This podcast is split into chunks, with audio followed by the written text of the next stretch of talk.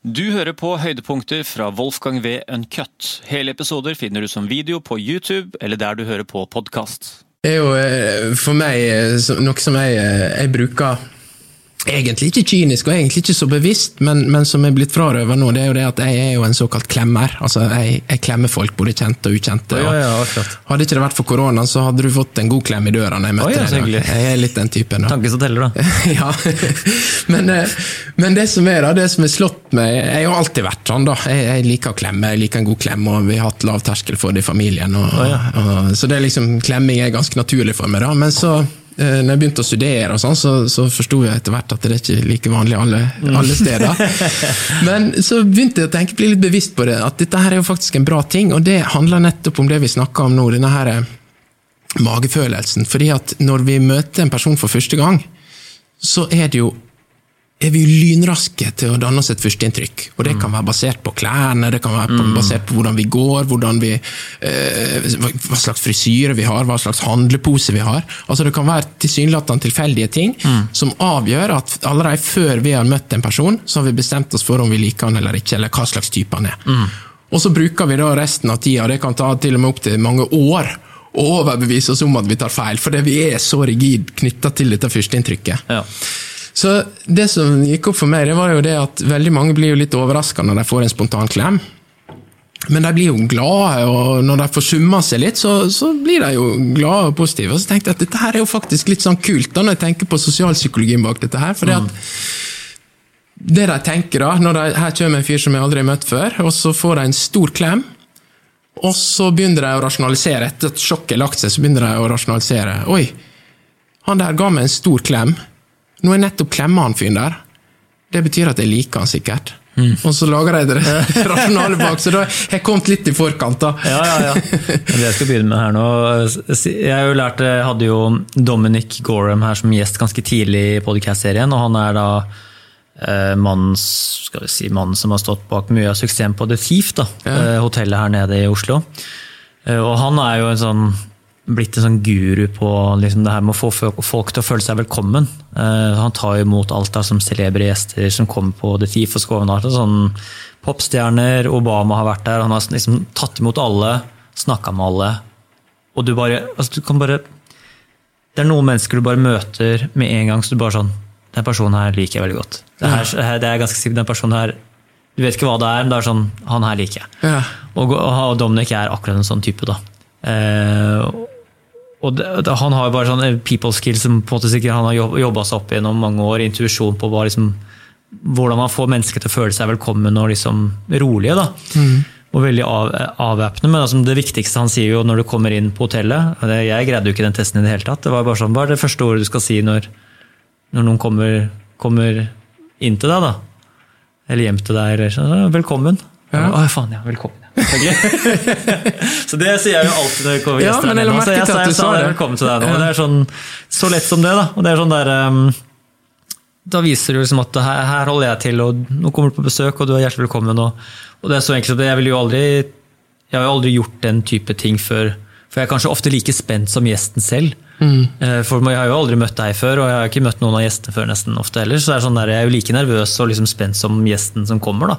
Ja. Så glemmer jo ofte liksom at det er jeg som liksom skal Det er mye lettere for gjesten å komme inn når liksom det er en litt rolig host som ser ut som har gjort det her mange ganger før. og sånn, Så man må liksom spille litt sånn litt sånn fasade på at dette her er noe man har gjort tusen millioner ganger før, at det er veldig hyggelig og bare velkommen. og ja, dette her er vi, altså, Sette i gang spillet allerede der, da, for liksom få en best mulig inngang på podkasten. For det viktigste her for meg da, det er jo alltid at gjesten leverer sitt absolutt beste eh, av det de kan. da. Altså, de går ut herfra så føler de sånn Ok, det her var veldig, det var veldig gøy for meg, for jeg fikk liksom gjort alle de tingene jeg eh, kan og snakker om. og sånt. Og Da, liksom, da tenker jeg en vellykka podkast. Ja. Så jeg håper du har den følelsen nå. Ja, nei, men eh, det var jo altså, Det var én ting jeg la veldig merke til også som du gjorde. Jeg vet ikke om du er bevisst på det sjøl, men du, du smilte. Ja, ok, ja. Du smilte veldig intenst. ja. Eh, og det også gir en sånn Ja, det er også veldig viktig. Og det er jo smittsomt. Ja. Fordi at det er jo, altså, Hvis du står der med en person, samme hvor anstrengt det er, altså det smilet er, Ja, men holder du det smilet lenge nok, så, så. Mm. smitter det over. altså. Så det å smile i seg sjøl er jo veldig avvæpnende og veldig fin måte. Og så er det jo det at du, er, du har nysgjerrigheten din. Du er jo oppriktig nysgjerrig på, på gjestene dine, det hører Ja. jeg når jeg har hørt de andre episodene også. Så. Ja, ikke sant? Og det gjør jo det at det er hyggelig å være her, da. Det tror jeg òg, og det håper jeg òg. Og det tror jeg altså bare gjør Jeg tror jeg, tror jeg aldri kunne hatt en sånn her samtale med en, øh, øh, med en gjest jo, som driver med noe jeg ikke er interessert i.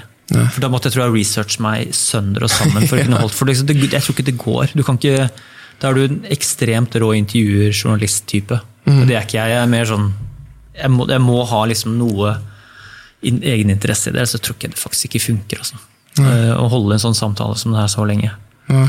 Men jeg har jo, apropos det med å smile, jeg, det, jeg tenkte, det faktisk tenkte jeg ikke på. det er jo, um, Men jeg har jo hatt gjester her vi har møtt, som jeg har møtt nedi døra her, som jeg bare merker bare sånn Å, shit. Har den gjesten sagt ja til noe de er liksom usikre på å bli med på? Som ikke trukket seg fra, og så ser de ned i mobilen sin.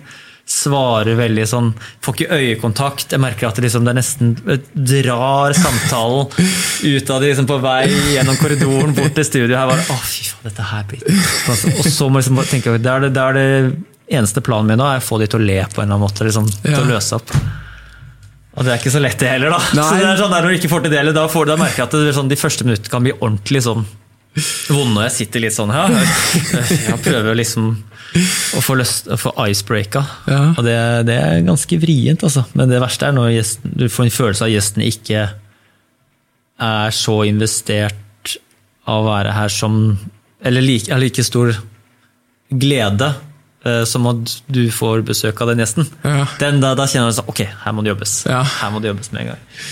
Men det, på en merkelig måte så går det bare seg til. altså. Men det er jo, jeg tenker jo at den nysgjerrigheten du har, det er jo den som gjør at gjestene dine koser seg her. fordi at alle ja, liker jo å prate om seg og sitt. Ja. Det, er jo, ja, det er jo det enkleste ting i verden. sånn at eh, Så lenge man er nysgjerrig nok, så, så får du jo nå flowen, da. på et eller annet tidspunkt. I hvert fall har jeg merka det flere ganger i løpet av dagens episode. Men dette med smil er jo litt bare for å Jeg kom bare på en ting. eh, du smiler mye. Jeg smiler mye, Ja. eh, men jeg bruker det bevisst eh, altså overfor meg sjøl. Altså hvis jeg har en dårlig dag, så prøver jeg å kompensere. Og det kan jo se litt kleint ut av og til med et sånt påklistra glis, men, men jeg føler at det hjelper meg. da. Mm. Og det er jo gjort studie på det også. Jeg ser jo han eh, Kahneman snakker jo masse om det. ja, Ja. og det er gjort masse studier på det. Men han eh, Eliud Kipchoge, eh, verdens raskeste maratonløper Ja. Han, det var jo han som eh, var den første til å løpe på under to timer. Det ble jo ikke godkjent. ja, var det han, ja? ja. Med de der sinnssyke skoene og Ja. de harene og sånt? Ja, så det var jo litt sånn eh, Men det var jo ingen som hadde- ingen som har klart å løpe så fort den distansen før, så det er jo uansett sjukt imponerende, sjøl med harer, for det skal jo løpes. Mm. Eh, men han er, jo, han er jo rask, eh, han er jo verdensrekordholder også, sjøl om han ikke har løpt under to timer, så er han rett over på offisielle løp. Men, Mm. men han, altså eh, Han løper da altså et maraton. Du kan jo prøve, Hvis du er på et helsestudio, så kan du prøve å skru opp tredemølla til 22 km i timen. Hvis du finner en tredemølle som går så fort. Ja, ja, de fleste stopper på 20 eller noe. Ja, 18 eller 20. Eh, og det springer han altså et maraton på. Altså det, det er helt sjukt. Og alt i kroppen må jo bare skrike imot at dette her er ikke bra, dette her er ikke sunt. Stopp, stopp, stopp. Men eh, for de av, eh, de av oss som, som liker å løpe, så vet jo det at når det gjør så vondt, så er det Altså Det er vondt, du kjenner at det nå, nå, da må du jobbe med deg sjøl. Men det han gjør når han løper, veldig ofte i løpet hans, når du ser, eh, ser han løpe løp, så ser du at han smiler. Ah, ja.